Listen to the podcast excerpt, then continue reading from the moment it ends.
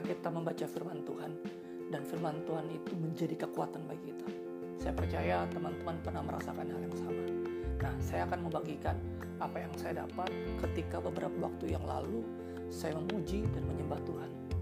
Setelah selesai, saya membaca firman Tuhan seperti biasa dan saya dapatkan dalam kitab Yesaya pasal 43 ayat 1 sampai dengan yang ketujuh. Ketika saya membacanya dengan situasi yang saya alami saat itu, saya merasa diberkati. Saya punya kebiasaan kalau saya baca Alkitab, saya mulai menyelidiki firman Tuhan.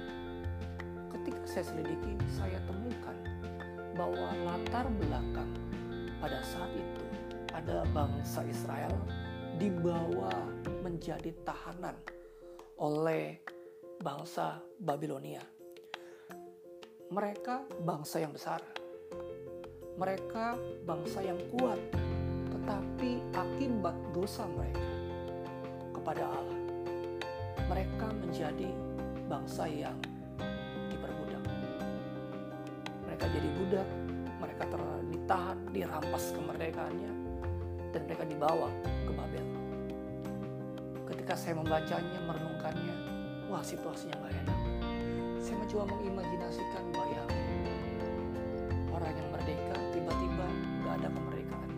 terbatas, nggak bisa buat apa-apa. Tapi yang paling menarik ketika saya baca ayat pertama, dikatakan demikian, tetapi sekarang beginilah firman Tuhan yang menciptakan engkau, hai Yakub, yang membentuk engkau, hai Israel. Janganlah takut, sebab aku telah menebus engkau. Aku telah memanggil engkau dengan namamu. Engkau ini kepunyaanku. Luar biasa.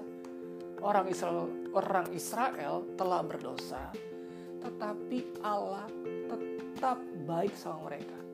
Bahkan diberikan satu dorongan, satu pesan. Pesannya unik, jangan takut. Dan ketika saya membacanya, saya cukup terheran. Kenapa? Situasi saat itu mereka sedang tertindas, tapi Allah malah membuka jati diri mereka. Ternyata saya perdalam lagi dan saya merenungkan bangsa Israel sedang kehilangan identitas. Kenapa? Tadi saya perkatakan sebelumnya bahwa mereka sedang tertindas. Orang yang tertindas, bangsa yang tertindas, gak bisa apa-apa, kerdil. Dan saat itulah firman Tuhan ngomong, kamu itu umat kepunyaanku, kamu itu aku tebus, kamu itu dipanggil namanya. Ini luar biasa. Allah sangat mengasihi bangsa Israel, sama seperti kita. Apa pun yang kita perlu buat, Allah tetap mengasihi kita.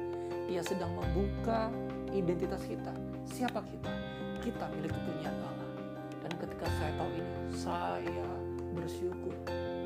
Saya pribadi yang telah ditebus oleh Kristus. Nah, saya baca lagi, tiba-tiba saya temukan dalam ayat yang kelima hal yang sama. Ini menarik. Saya mulai bertanya, kenapa engkau ngomong hal yang sama, jangan takut. Apakah kurang jangan takut di ayat yang pertama? Ternyata ketika saya baca lebih lanjut, ayat yang kelima sampai dengan yang ketujuh berbicara soal masa depan. Wow, Allah kita saat bangsa Israel sudah mendapat, sudah diberitahu tentang identitas dirinya. Allah memberikan jaminan. Dikatakan demikian, janganlah takut sebab aku ini menyertai engkau. Aku akan mendatangkan anak cucumu dari timur dan aku akan menghimpun engkau dari barat. Luar biasa.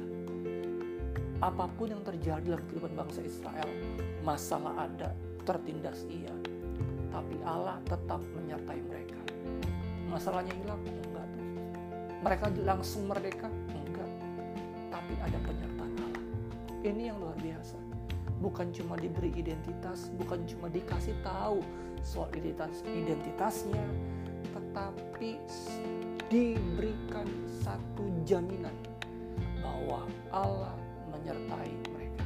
Sama dengan kehidupan saya dan teman-teman. Mungkin ketika kita drop, kita kehilangan siapa kita.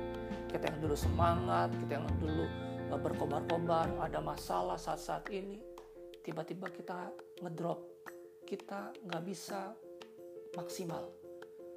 Tapi ketika kita baca ayat ini, sadarlah siapa kita. Allah memberitahu bahwa kita ini milik punya Allah. Saya dan teman-teman milik punya Allah. Dan yang berikut bukan cuma diberitahu identitasnya, tetapi diberikan jaminan ada penyertaan. Contoh, kehidupan sehari-hari. Kalau teman-teman lihat ada seorang anak kecil yang sedang berlatih berjalan, ya, mulai latih jalan tiba-tiba jatuh, bangun lagi. Berkali-kali anak itu jatuh banget. Tetapi yang saya lihat dalam kehidupan sehari-hari anak kecil itu yang berlatih nggak pernah bersedih, tapi ketawa. Kenapa? Karena ada orang tuanya menyertai dalam setiap langkah kaki anak itu. Saya percaya dalam setiap masa-masa kita, situasi kehidupan kita, Allah tetap menyertai kita. Di masa-masa yang sulit hari-hari ini, dalam kehidupan dan kehidupan saya, Allah tetap menyertai kita. Dan itu cukup bagi saya. Penyertaan Tuhan itu cukup bagi saya. Semoga memberkati. Tuhan Yesus memberkati.